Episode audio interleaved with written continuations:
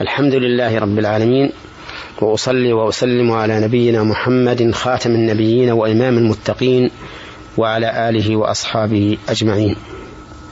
أما بعد أيها الإخوة المستمعون فهذه الحلقة الثامنة عشرة من برنامج أحكام من القرآن.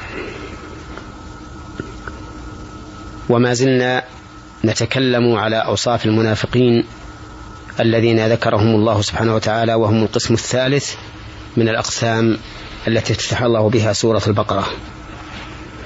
وكنا نتكلم على قوله تعالى ولهم عذاب أليم بما كانوا يكذبون. وذكرنا ما شاء الله من فوائد هذه الآية ونتمم ذلك. فنقول من فوائد الآية الكريمة سوء النتائج والعواقب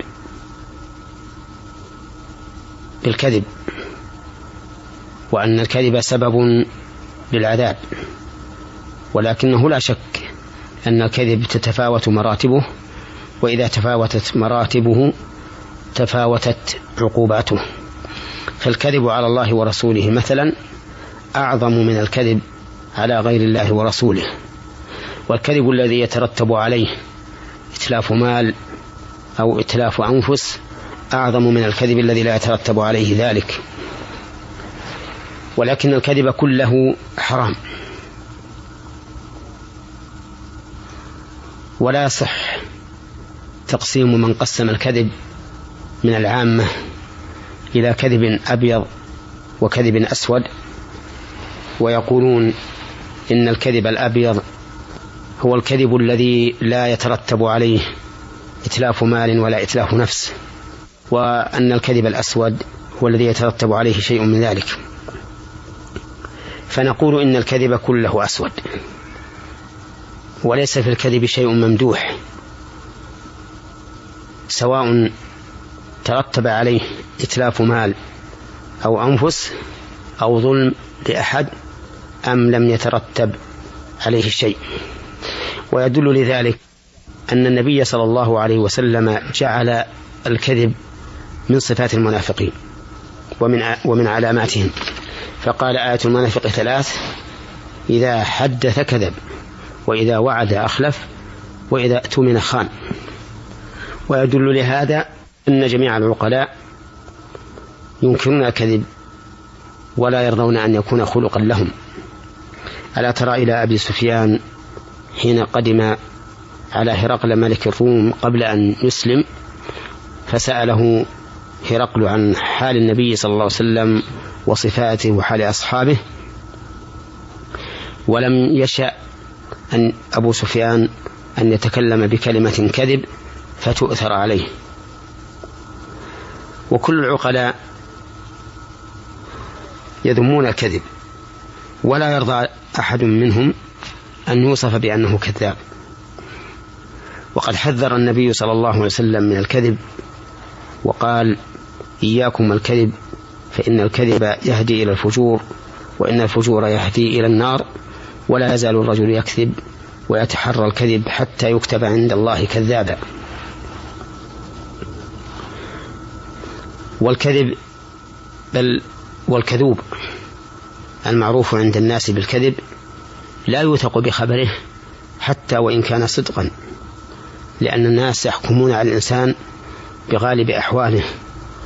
ويصفونه بغالب أخلاقه فعلى المسلم أن يبتعد عن الكذب كله صغيره وكبيره ما تضمن الظلم منه وما لم يتضمنه ثم قال الله تعالى وإذا قيل لهم أي قيل للمنافقين لا تفسدوا في الأرض قالوا إنما نحن مصلحون لم يبين الله سبحانه وتعالى ألقائل للمنافقين هذا القول ليشمل كل من قال لهم من الناس.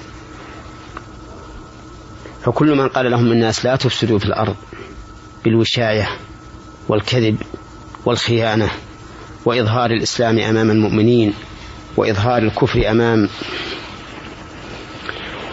الكافرين قالوا إنما نحن مصلحون من أجل أن نسلم من القتل والحرب مع المؤمنين ونسلم من الكراهة والبغض من الكافرين. نصلح طريقنا وسيرتنا مع هؤلاء ومع هؤلاء.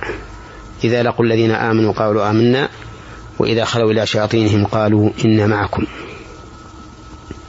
وتأمل قوله إنما نحن مصلحون حيث حيث حصروا حالهم بالإصلاح. فقال الله عز وجل مكذبا لهم ورادا عليهم ألا إنهم هم المفسدون ولكن لا يشعرون. فقابل سبحانه وتعالى القول بقول أبلغ منه حيث صدر حيث حصر الإفساد فيهم وصدره بألا الدالة على التوكيد. قال ألا إنهم هم المفسدون ولكن لا يشعرون. وصدق الله عز وجل فإن المنافقين هم المفسدون الذين يفسدون في الأرض ويجعلون فيها ويجعلون فيها الفتنة بما يسيرون عليه من النفاق.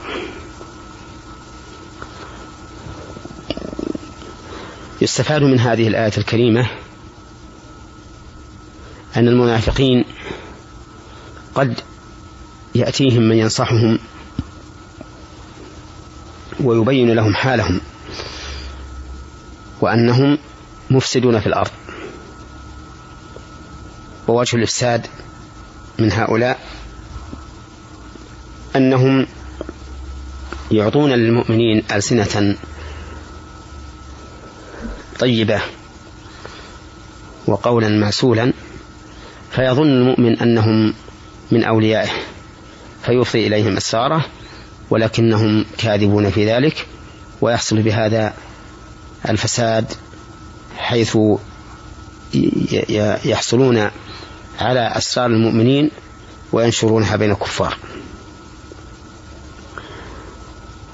وسوف نتكلم إن شاء الله تعالى في حلقة قادمة على أوجه من أوجه النفاق من أوجه الإفساد الذي يكون من المنافقين ليحذر الإنسان من النفاق ومن المنافقين. وبهذا أختم هذه الحلقة وأسأل الله سبحانه وتعالى أن يوفقنا جميعا لما فيه الخير والصلاح. والحمد لله رب العالمين وأصلي وأسلم على نبينا محمد وعلى آله وأصحابه أجمعين.